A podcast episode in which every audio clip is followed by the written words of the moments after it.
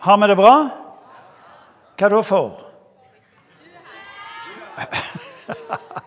Akta-studentene vet hva det betyr. Eh, Dere kan høre med de etterpå hva, hvorfor jeg er så opptatt med å få svar på det. Det er advent, og um, noen av oss har feiret advent mange ganger. Og noen er opptatt med å starte tidlig med advent. Og um, jeg er i den situasjonen at i vårt hus bærer hele huset preg av at det er advent.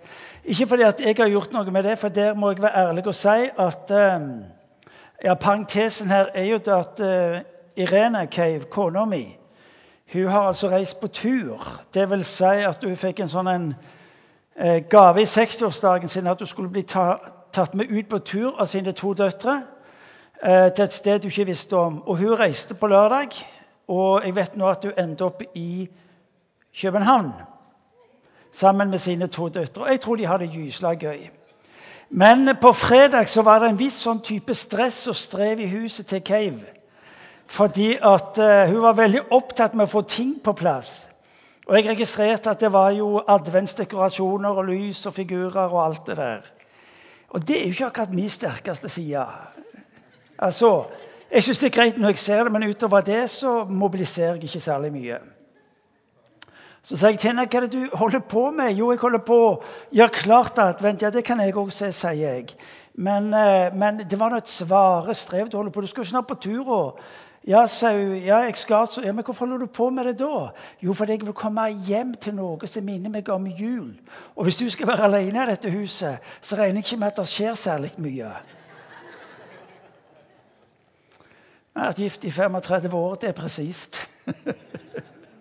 det er presist. Så hjemme hos Cave det, Hvis du kommer ut til meg, og er du velkommen til å gjøre når det måtte passe, eh, før tirsdag kveld for å ta ut tilbake igjen, så kan du jo tro at det er meg som har ordna alt dette fine. For det er rett og slett fint. Og så lukter det litt sånn antydningsvis jul, og det er rett og slett koselig.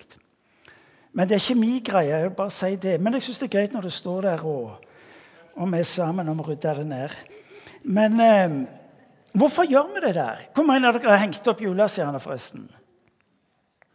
Mm. Hvor mange av dere har satt fram lilla lys? Ja, det blir mindre av oss, ser jeg. Det, det er noe interessant med det der med tradisjon. Det, hvorfor gjør vi det? Jo, fordi det er tradisjon. Og og det er deler ved tradisjonen som er viktig for oss å ta med oss. For skal du se framover, så er du nok nødt til også å ha et blikk bakover. Advent betyr ventetid. En type forberedelsestid for det som ligger foran. På en måte sett så er det riktig, på en annen måte så er det feil. For vi venter ikke på han som skal komme, vi feirer han som kom. Og det er to forskjellige ting.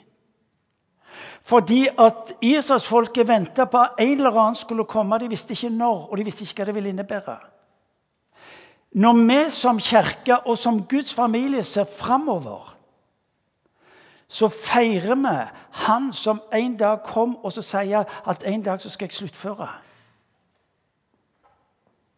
Så istedenfor ventetid så er det godt mulig vi skulle kalle det for tilbedelsestid.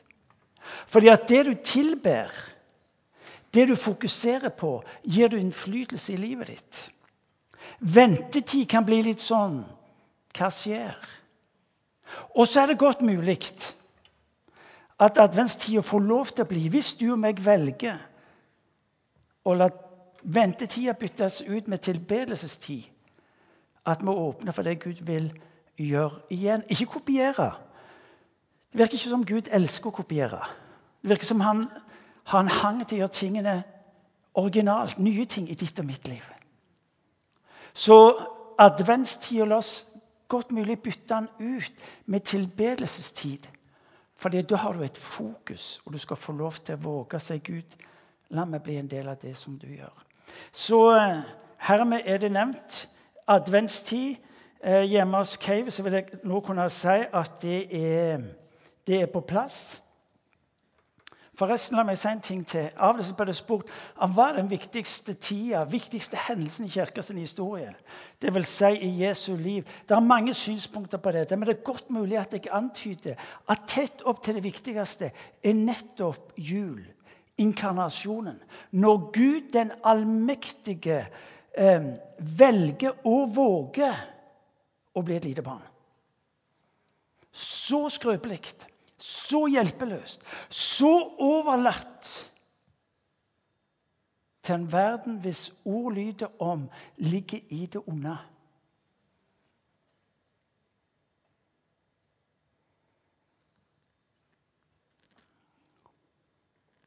Når du tenker jul, så skal du få lov til å tenke at han vågde. Det, ikke, det, gikk ikke mange dager for ondskapen var på vei for å ta han. At alle guttebarn under to år ble drept. Ved en drøm ble han berga og fikk lov til å vokse opp. Folkens, uten inkarnasjonen, at Gud ble menneske, ville det heller aldri vært noe påske. Bare tenk.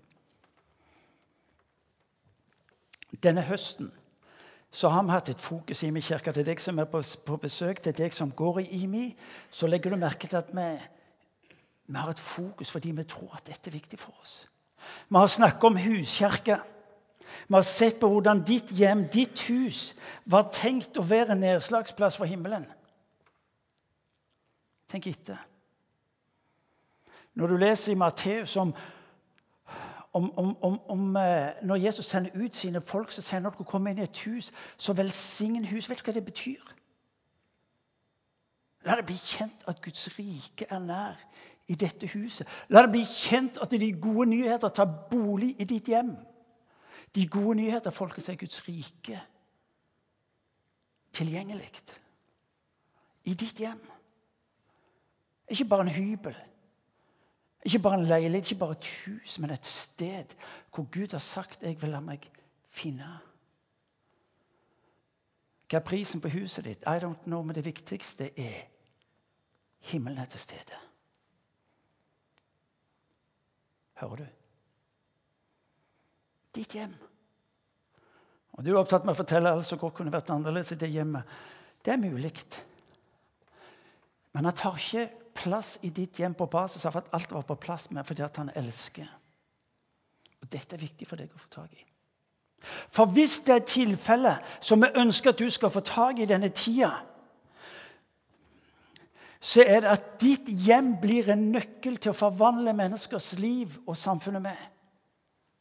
Det var ikke katedralene eller kirkebyggene som var nøkkelen til kirkas fenomenale utbredelse i de første 300 årene. Det var hjemmene med bevissthet om at der hvor to eller tre var samlet i hans navn, der visste de at han var midt imellom dem, og alt var mulig. Er dere med? Ikke dårlig. Du er gitt altså et hjem for Guds nærvær. Så når du kommer inn i ditt hus, ikke bare se det fysisk, men tenk Wow. Han har sagt at han vil gjeste mitt hus. Ikke bare det åndelige, men det fysiske. Det er altfor mange som er opptatt med å fortelle at eh, ja, det, vi trenger ikke bygninger fordi at han har med Den hellige ånds tempel. På den ene sida det riktig, på den andre sida det ikke riktig. Fordi du vil se gjennom kirkens historie så ble fysiske ting hjelp til både å synliggjøre, visualisere, men det ble også et uttrykk for at han tok bolig mellom oss i det konkrete. Så der du er, ved at du er der, er altså et hjem for Guds nærvær. Tenk på hva det innebærer. Tenk på hva det innebærer for ditt hjem. For du og meg er skrudd sammen sånn at det jeg blir bevisst på det jeg, handler, det jeg, våger å handle i henhold til, det har konsekvenser. Mitt hjem er mitt Min borg, sier engelskmannen. My home is my castle. My home is my church. Hver gang mennesker kommer inn i ditt hus, så inviterer du dem inn i Guds nærvær. Hva er prisen på huset ditt? Hva er det som gjør huset ditt attraktivt, hjemmet ditt attraktivt, leiligheten din attraktiv? At han har sagt han vil være der. Hvorfor? Fordi du er der. Jeg skal høre mer om det litt senere. Guds nærvær. Det er det nemlig advent er snakk om. Det er det inkarnasjonen i, sin, i sitt dypeste innhold er snakk om. En Gud som valgte å komme nær, så nær mennesket at ikke noe menneske skal kunne få lov til å definere seg ut forbi av en eller annen årsak. Så dypt, så dypt at alle innbefattes i det. Dagens tekst skal få lov til å vise oss noe mer av dette. Vi leser sammen fra Matteus evangeliet, kapittel 5, fra vers 13 til 16. Dere er jordens salt. Men hvis saltet mister sin kraft, hvordan skal det da bli gjort til salt igjen? Det duger ikke lenger til noe, men kastes ut og tråkkes ned av mennesker. Dere er verdens lys. En by som ligger på et fjell, kan ikke skjules. Heller ikke tenner man en oljelampe og setter den under et kar. Nei, man setter den på en holder, så den lyser for alle i huset. Slik skal deres lys skinne for mennesker, så de kan se de gode gjerninger dere gjør, og prise deres Far i himmelen. Når Imi er opptatt med i denne fasen å tydeliggjøre om en Gud som er kommet nær, så er det fordi at du og meg strever med å tro det. Fordi du og meg tar så altfor ofte utgangspunkt i om vi lykkes med det vi holder på med, enten som enkeltmennesker eller som menighet. Men han sier han har tatt bolig mellom oss fordi han elsker. Johannes evangel kapittel 1 leser vi i The Message-oversettelsen at Gud har flytta inn i nabolaget. November måned for 36 år siden ble jeg en kristen. Jeg kom fra det fullstendig blanke. Hadde hørt om denne Jesus på skolen. Utover det så skjønte jeg ikke mye han holdt på med. Kom inn på en skole, folkehøyskole, litt lenger sør på Jæren. Har ikke nevnt navn. Men én eh, eh, ting skjønte jeg forholdsvis tidlig. Det at det var, helvete var ikke noen plass å ende opp i. i hvert fall. Så jeg så etter alternativene.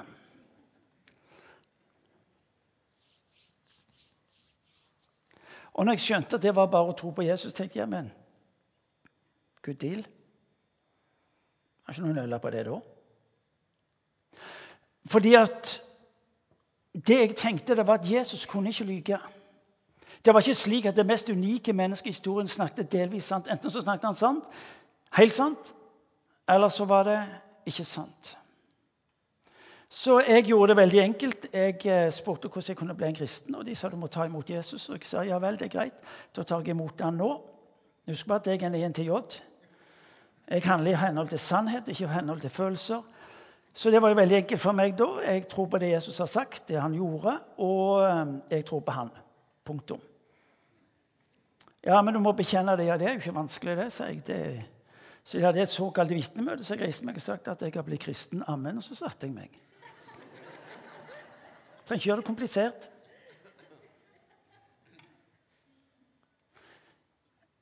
Den uka fikk jeg med meg et bibelvers som eh, jeg senere aldri har mista. Johannes evangeliet kapittel 1, vers 12. Alle de som tok imot ham, dem ga han rett til å bli Guds barn. De som tror på hans navn. Hva vil det si å bli en kristen? Det er å ta imot Jesus. La han få lov til å flytte inn. Kan du tenke noe så vanvittig?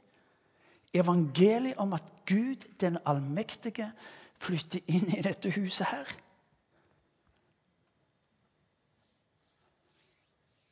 Og så sier han Martin, ved det blir du også mitt barn. Vi har gjort det så komplisert. Å bli en kristen og la Gud få lov til å være Gud i livet ditt. Ved det blir du sønn eller datter.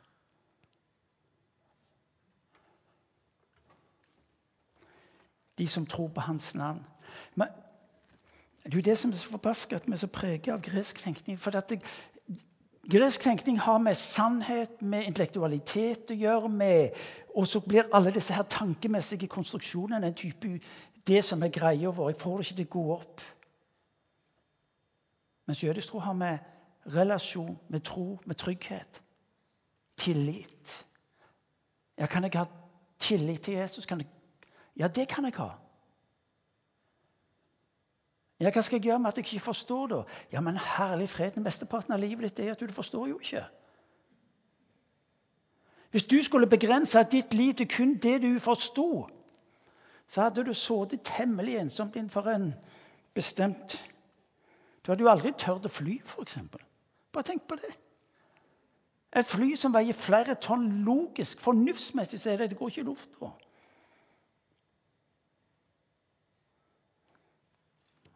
Det var en parentes.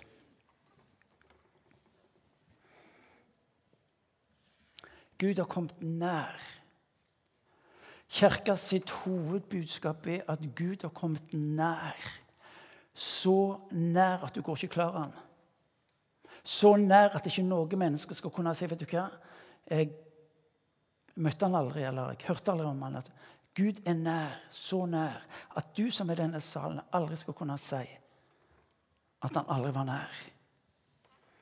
Hvorfor er dette så viktig? Jo, fordi at uh, det er ikke slik at du eller meg bestemmer oss for å søke ham. Det er han som søker deg og meg. Jeg kom for å lete opp, sier Jesus, det som var fortapt. Alle de som tok imot ham, hørte du jeg sa. Hvorfor er dette viktig? Fordi at de som skjønner at de er sønner og døtre, handler i henhold til det. Jeg satt og snakket med en mann tidligere i dag. Og Han sa ja, men må ikke først få orden på livet. Alt som godt kunne vært en type annerledes. Bibelen sier jo noe om synd og, og, disse tingene. Vet du hva Bibelen primært er opptatt at du skal få tak i? At du er sønn. At du er datter. Ja, men livet mitt er jo et mess. Ja, det er mulig det er et mess, men det er ikke utgangspunktet for hans måte å handle i ditt liv. Når Jesus taler og handler inn i ditt liv, så har han ett budskap til deg, og det er bli hva du er, nemlig Guds barn. Det er et faktum du er Guds barn. Ja, så er det det du skal få lov til. Ja, hva betyr det å bli i? Voks i det som jeg har gitt deg. Ikke som du skal produsere. To forskjellige ting. Det er to forskjellige ting på hva du skal gjøre, og hva du skal få lov til å være en del av. Hvordan ser han på deg? Jo, som sønn og datter. Og på den andre så ser han på deg med det du skal få lov til å bety inn i denne verden. Og så er vi inne i teksten. Jesus bruker perioder, bilder som lys og som salt for å beskrive hva etterfølgelse eh, hva det innebærer. Tro er etterfølgelse med konsekvenser. Hvorfor? Fordi at tro er relasjon. Tro er ikke primært intellektuell greie. Det er det òg, men det er ikke det primært. For hvis troen primært skulle tatt utgangspunkt i huet ditt, så skal jeg fortelle deg, da blir avstanden fra det du kontrollerer, til det du våger å gå inn i, den blir svært begrensa. Hjertet ditt tar, til, tar, deg til steder som huet ditt aldri ville ha våget å gå.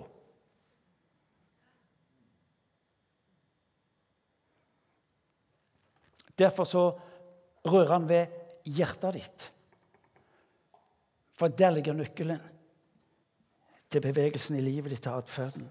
Tro etterfølgelse med konsekvenser, Guds rike konsekvenser. Derfor bildene av lys og salt. Når Gud ser på sine barn, når Gud ser på menigheten, så ser han dette er mine forvandlingsagenter. Jeg skrev som overskrift på, på, på denne talen 'Et liv med tiltrekningskraft'. Du er satt inn i denne verden med en tiltrekningskraft som du ikke er klar over rekkevidden av. Prøv å få det med. Dere er jordens salt, sier han. Du og meg skjønner ikke bildet med salt. Det er klart vi gjør jo ikke det når Jesus bruker det. Det var ikke mange kjøleskap eller frysebokser som ble solgt på den tida. Så hvis fisk og kjøtt skulle bli bevart, ikke råtne, så måtte de ha salt. Salt forhindrer forråtnelse. Salt sørger for at tingene ble bevart. Salt sørger for at eh, det de hadde av det gode, det mista de ikke over tid pga. salten sørga for at det ikke gikk i forråtnelse. Jesus er opptatt med å fortelle til sine disipler at dere er jordens salt. Salt som beskyttelse mot forråtnelse, men også salt til å gi maten smak. Gi maten en opplevelse av noe som var godt, om å forbedre en opplevelse av noe de spiste. Salt var ekstremt, forteller historikerne, viktig og verdifullt. Og til tider så fikk soldatene utbetalt lønna si i salt. Og så sitter du her og så tenker du, ja, det er greit, for dette hører jeg ofte. Ja, men livet mitt er ikke på stell, Martin. Ja, men hør nå, når, når Jesus sier til disse sine disipler, da de står foran ham, hvem er han sier det til? Storsnuta Peter. Han sier det til en Judas. Han sier det til en Johan, og så, og så kan du se det for deg, så sier han til dem Du er du, du som står der, er jordens salt. For utgangspunktet var nemlig ikke hvem de var, men hvem han var. Du kan gjerne snakke om historien din som diskvalifiserer. Du kan gjerne være opptatt med det som skulle vært annerledes i livet ditt i dag. Det kan godt være at du strever med å holde livet ditt sammen, men de facto sier Jesus til deg som er en Kristus-etterfølger, at du er jordens salt. For de har ikke tatt bolig i livet ditt. Så for Guds skyld ikke begynne å fortelle at først må jeg få orden på livet mitt. For, for noen av oss kan, bruke, kan du bruke resten av livet ditt på det.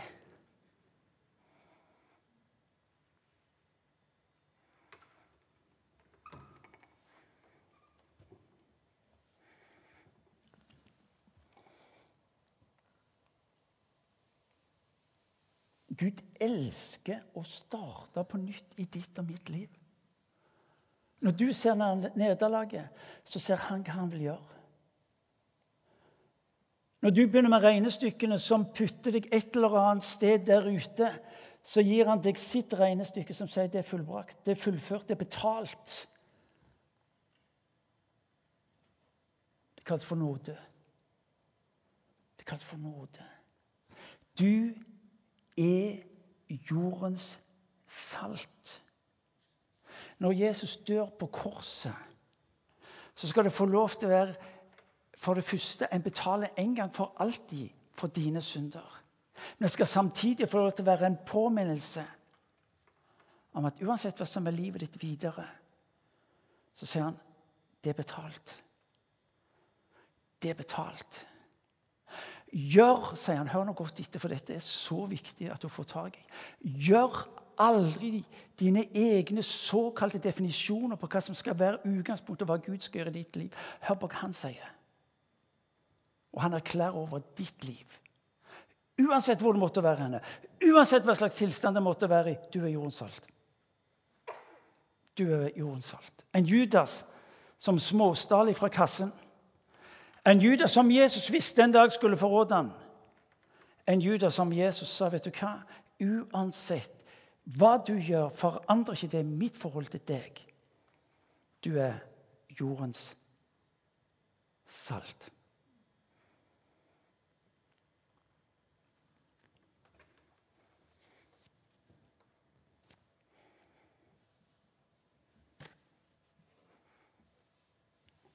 Vi sang i sangen her inne på samlingen før vi kom inn her He is everything he promised. He is everything he promised i ditt liv. Du folk, Det er noe av det som jeg syns gjør Det å skulle få lov til å være en Jesus-etterfølger er noe av det mest ubegripelige. At han vil være alt det han har lovt i mitt liv og i ditt liv.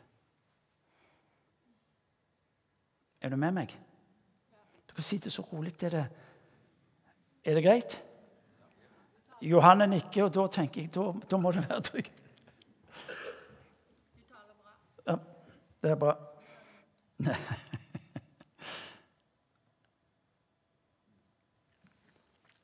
Hva er det han sier for noe?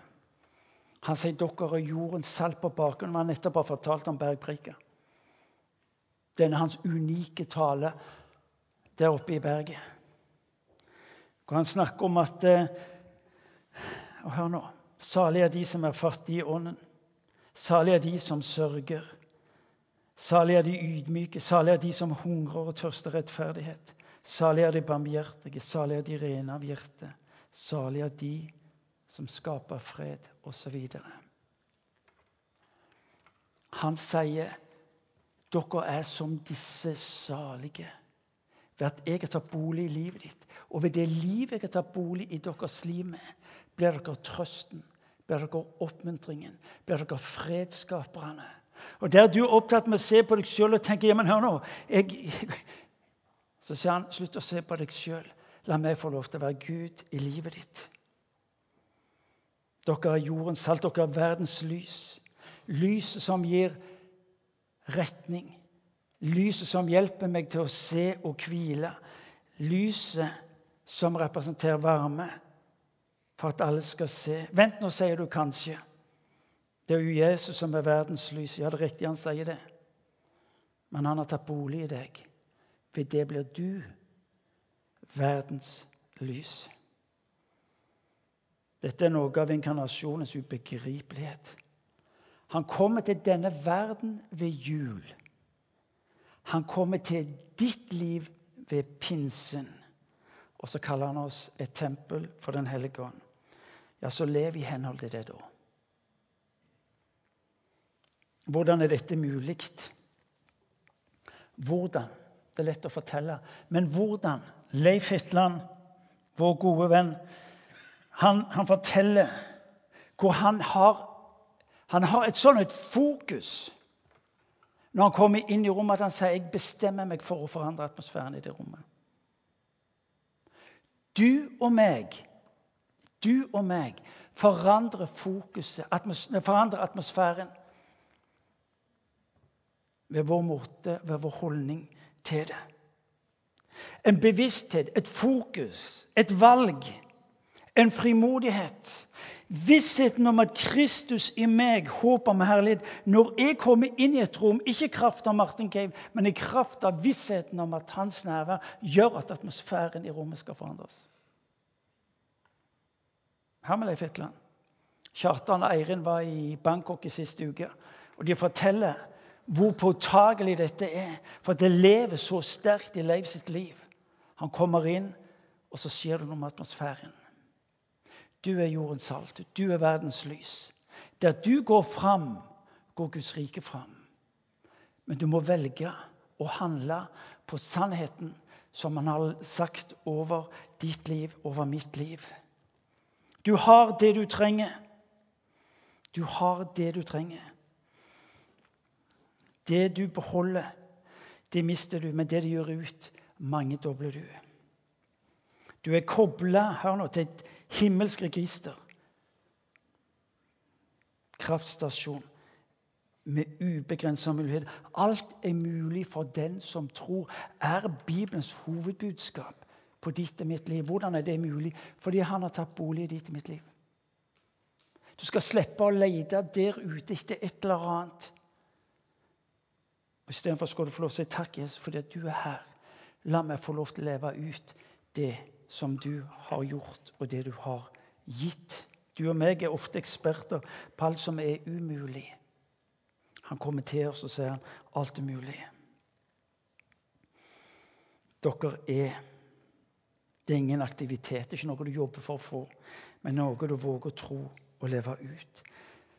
Og Det som er det fenomenale, det er at når du og meg våger å leve i dette livet som han rekker oss, så skjer det noe. Når Paulus i, i, i brev til Galaterne, kapittel 5, vers 22 Bare la meg lese det.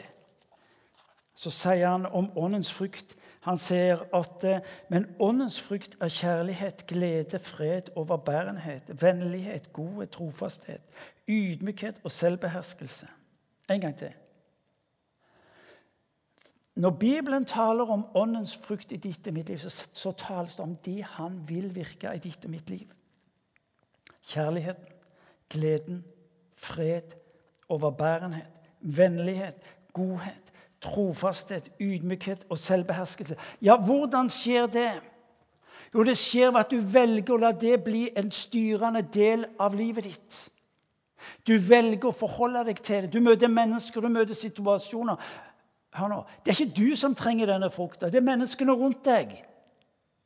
Det er de som lengter til å smake denne frukta. Det er de som elsker og så spør du når du går ut blant mennesker, så bestemmer du jeg ønsker å forandre atmosfæren i dette rommet eller i dette miljøet eller blant disse menneskene. De trenger å erfare Guds godhet. Så er det Gud. La meg få lov til å gi av din godhet. Og så møter du mennesker som er problematiske, som er kranglevåne. Hva, hva kan jeg få lov Gud, la meg få lov til å være fred inn i denne situasjonen. Og så tar du Guds ord, og så du våger og så løfter du. Hva var det Jesus sa? For han sa jeg, jeg, jeg hører hva far sier. Og så spør du der du er, så spør du Gud, hva er det de trenger. De trenger min fred. Du ser hva som er situasjonen. Du ser det er et folk, og så, og så kommer du, Gud med det de trenger. Her er det fiendskap. De, du ser de trenger, de trenger vennlighet. Tal vennlighet inn i livene deres. Dere er salt. Dere er lys inn i mennesker. Hvordan jo, vel la mennesker få lov til å erfare frukten.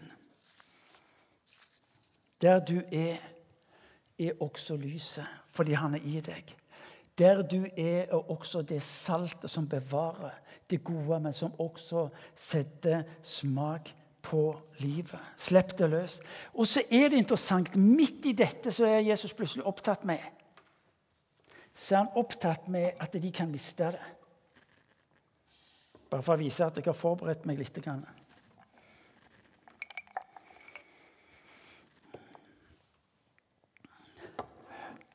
Hør nå etter. Nesten satt på spissen. Det er ingen som kan ta troen ifra deg. Ingen.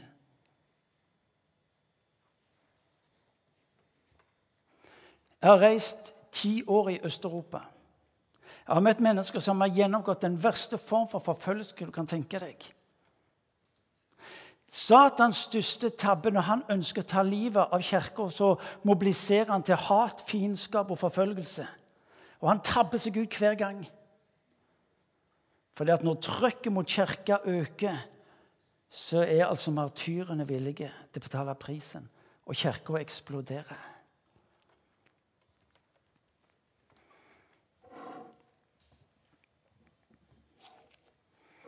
Ser dere lyset?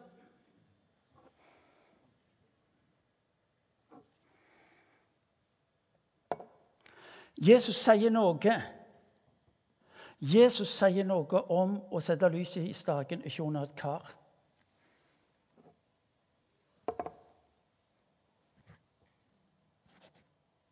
Genialt.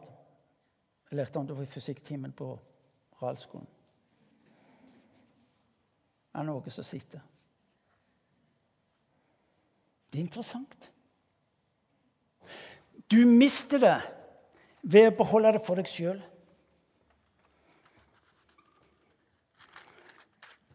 Hvis djevelen kan få deg og meg til å holde det for oss sjøl Var det ikke sånn vi gjorde? Det er sånn de gjør på TV. vet du, ikke sant vel? Vi må gjøre det en gang til, så kan vi gjøre det i sakte kino. Sakte film, sant vel? Men det kan ikke jeg.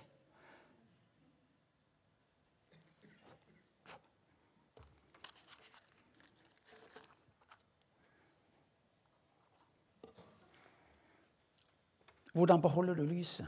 Ved å gi det ut. Så enkelt er det.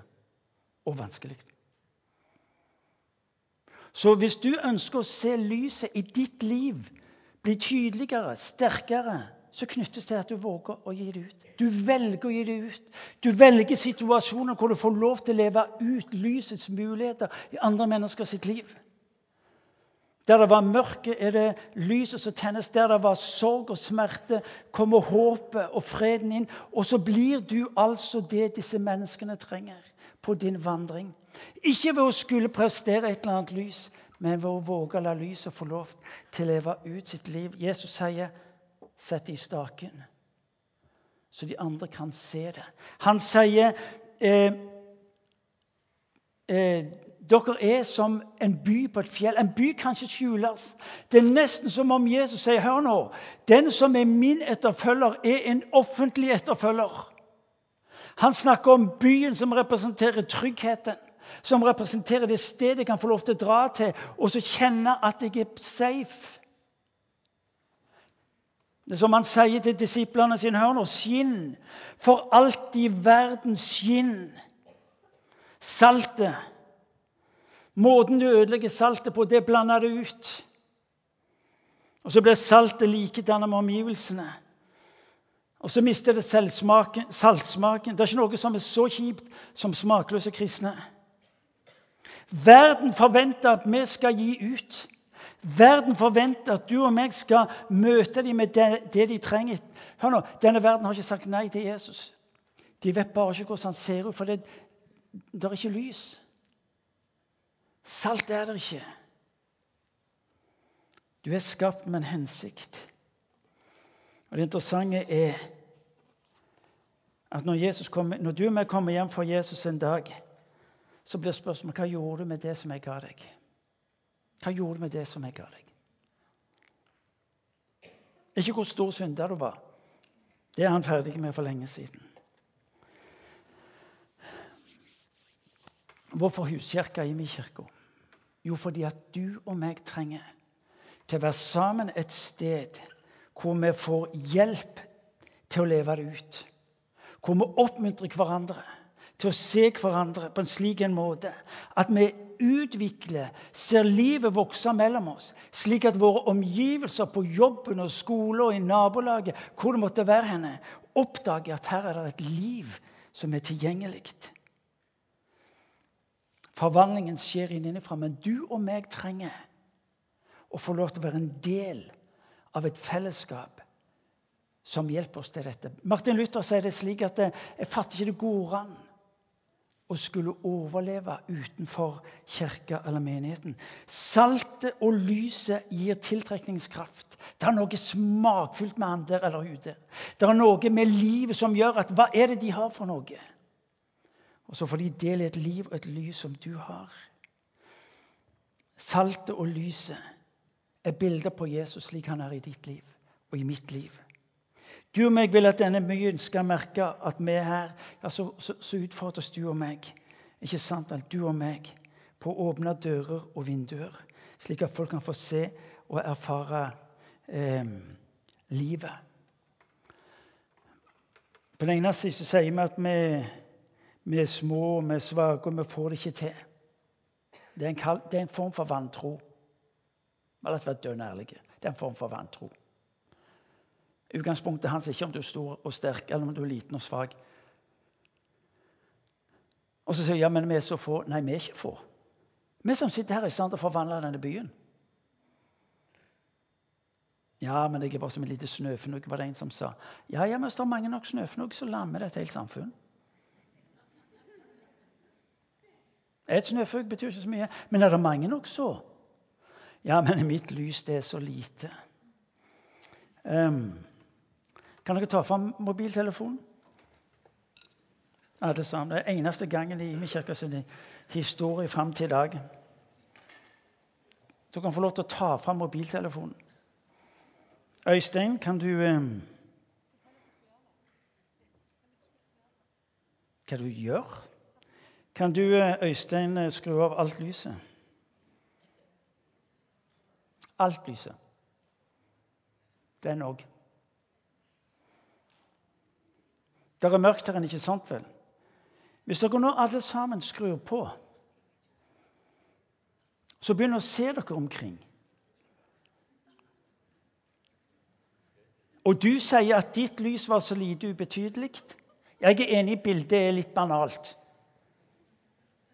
Men se deg omkring. Ta på lyset igjen, Øystein.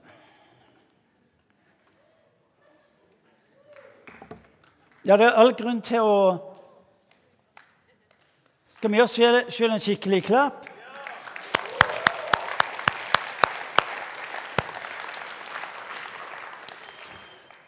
Hva er definisjonen på mørke? Definisjonen på mørke er fravær av lys. Det lyset er du. Hør etter hvordan jeg sier det. Det lyset er du. Men du kan velge å sette det unna, eller du kan sette det i staken. Du kan velge jeg går Nesten bokstavelig talt sa du tok med salt. Dette er bildet på deg ved siden av lyset. Kan jeg få lov til å utfordre deg? La oss reise, så skal vi slutte av. Kan jeg få lov til å utfordre deg De gjør to ting? Begynn allerede nå å jobbe gjennom hvem er det jeg skal få lov til å være sammen med i ei huskirke. Slik at livet mitt kan være det saltet og det lyset som Kristus har satt meg i stand til å være. Jeg vil være sammen med mennesker som hjelper meg til å leve det ut. Ikke en eller annen type strategi, men primært til å bety en forskjell.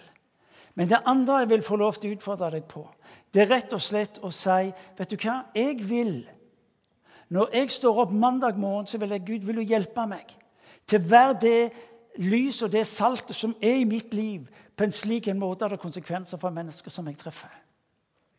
At det som er av frukt i mitt liv ved at du er der, har betydning for de menneskene som er rundt meg.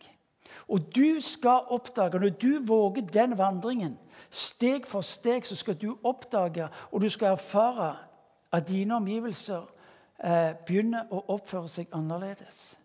Du skal oppdage at du får lov til å være med, som Leif sier, og forvandle atmosfæren. Jeg vet det er det dere lengter etter. Jeg vet det er det dere har et dypt ønske om. Det at menneskene rundt dere skal erfare at Gud har kommet nær.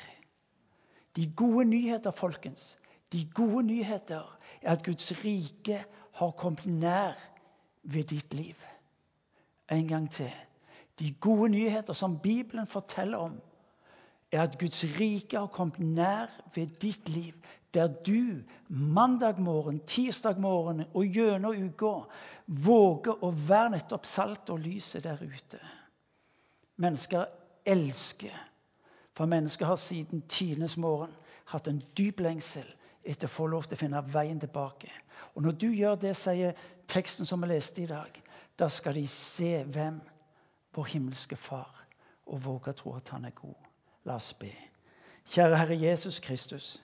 Vi takker deg fordi du er den som har kommet oss nær med din nåde, med ditt rike. Herre, vi ber om å få lov til å la lyset vårt skinne for mennesker, slik at de kan prise deg, Far, som er i himmelen. Far, nå ber jeg for den enkelte av oss at vi skal få lov til å gjøre et valg som hjelper oss, Gud, til å være flere lys som bokstavelig talt legger seg sammen. Og så blir det et kraftsentrum i byen og området, Herre. Som blir et slikt kraftsentrum, Herre, hvor mennesker finner fred, finner nåden, finner vennligheten og godheten, finner overbærenheten, Herre som gjorde at de vågte å tro, Gud, at du var nær, og at du var god. Far, jeg ber at du skal hjelpe oss til å se på våre hjem og våre hus, Herre, som, som sted, Herre. Og du har sagt at du er til stede. Vil du åpne øynene våre, Gud, så vi våger å se og tro. Og så ber jeg, far, for den enkelte av oss, at der vi går gjennom dagen, Herre, skal vi få lov til å bli eh, fokuserte, Herre, opptatte med, som deg, med å berøre menneskeliv. Herre, du, du har gitt Kirka en mulighet til å bety en forskjell. Du har gitt den enkelte av oss en mulighet til å bety en forskjell. For vi ber om å få lov til å være der. Så Helligånd, kom til den enkelte av oss her vi nå står. Tal til oss, Herre. Overbevis oss. Overbevis oss, Gud. Kom, Helligånd. Der du står, bare ta imot.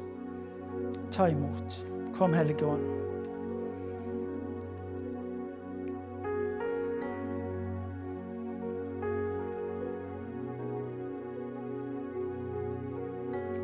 Der du ser det umulige i ditt liv,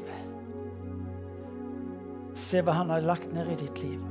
Saltet, lyset. Der du ser det som skulle vært annerledes i ditt liv, se han som har tatt bolig i ditt liv. Der du ser på at tingene ikke går i hop, ja, så se han som tar bolig i ditt liv. For ved han i ditt liv alt mulig. Kom, Helligånd, til den enkelte av oss. Kom, du Hellige Ånd. Kom, Hellige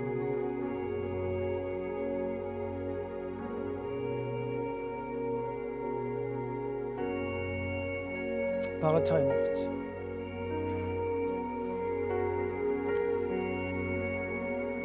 Bare ta imot.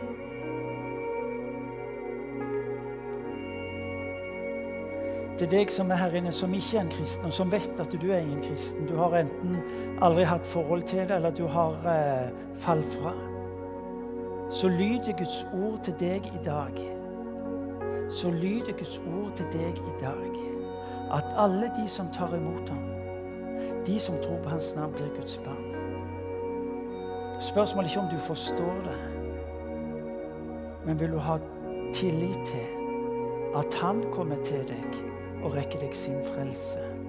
Hvor han tilgir deg syndene, og han gjenoppretter det som var ødelagt, og gjenreiser deg til å være et barn av Gud. Der du står, kan du ta imot det.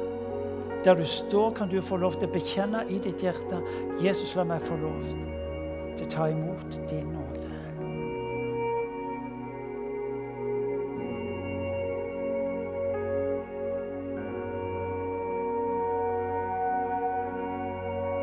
Kom, Hellige Ånd, til den enkelte av oss. Herre, takk fordi du er alt det du har lovt i ditt ord at du vil være i våre liv.